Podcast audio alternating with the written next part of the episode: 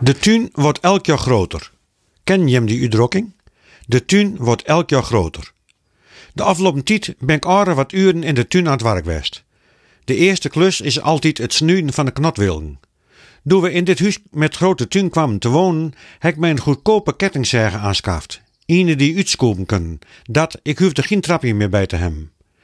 Maar het is allemaal wel warken boven de macht. Dat ere des haak hier en daar aardig wat last. En de afgelopen dagen moest het gezonder aan geleuben. Of nee, niet het gezond. Ik moest eraan geleuben en zorgen voor het gezond. En dat is in het voorjaar een put werk, om reden ik met een verticuteerder eerst zoveel mogelijk mos eruit halen en er daarna voordadelijk ook nog even mijden moet.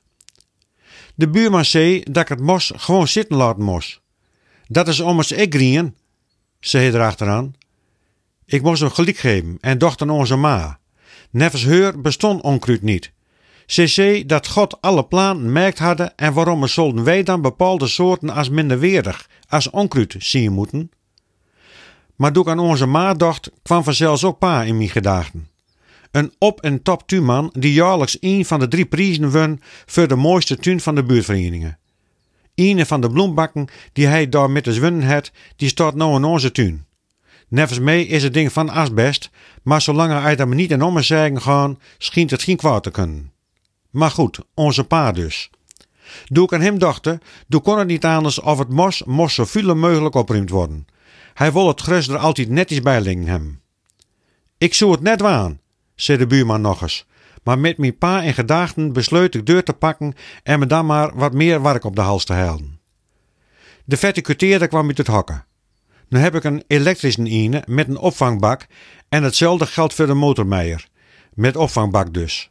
Maar wij hebben er zo allerheiselijks veel mos in het gras zitten, dat ik elke anderhalve meter de bak vol heb met mos en die dus leken moet. Daarom heb ik de verkeuzen en haal beide opvangbakken eraf. Dat ik moet na het mijden alles met de hanen opharken en er dan afvoeren op de aanhangwagen. Maar bij het klimmen van de jaren merk ik dat het opharken nog niet mijn meest favoriete tijdbesteding is. Dinsdagavond heb ik de helft van het mos en gras in de 14 liggen laten. Ik had het nog de helemaal af en de piepen helemaal uit. Gistermorgen was ik daarom voor achten alweer in het spier om het mos en gras eerst in bulten te harken en daarna op elkaar te leggen. Nou was niet de enige die al vroeg u de veerden was. Mensen met hondjes kwamen langers en zo had ik de even wat afleiding en kon ik elke keer even op asem komen. Zo was er de man die, nadat we wat uitwisseld hadden over het tuinwerk, opmaakte dat ik nog aardig wat werk aan hadden. Om erachteraan te zeggen, door bist de jongste ik net meer. Wrijf het er maar in, dacht ik doe. Even later kwam een vrouw met ook al een klein hondje aan de lijn. Ze bleef even staan, zag het even aan hoe ik om acht uren, met een rode kop en het zwiet al op het voorhoofd, de boel aan het opredden was, en zei doe, ja jongen, de tuin wordt elk jaar grutter. De tuin wordt elk jaar groter. Ik kende die uitdrukking nog niet, maar het is een filosofische waarheid. Psycholoog Douwe Draaisma schreef twintig jaar geleden het boek Waarom het leven sneller gaat als je ouder wordt. Ook zo'n filosofische benadering van het leven dat bij het klimmen van de jaren vlogger liet te gaan.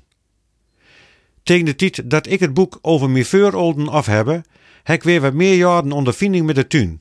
En dan moet ik me er maar eens aan zetten en schrijven het psychologische zelfshulpboek voor older wordende mensen. Met de titel Ja jongen, de tuin wordt elk jaar groter.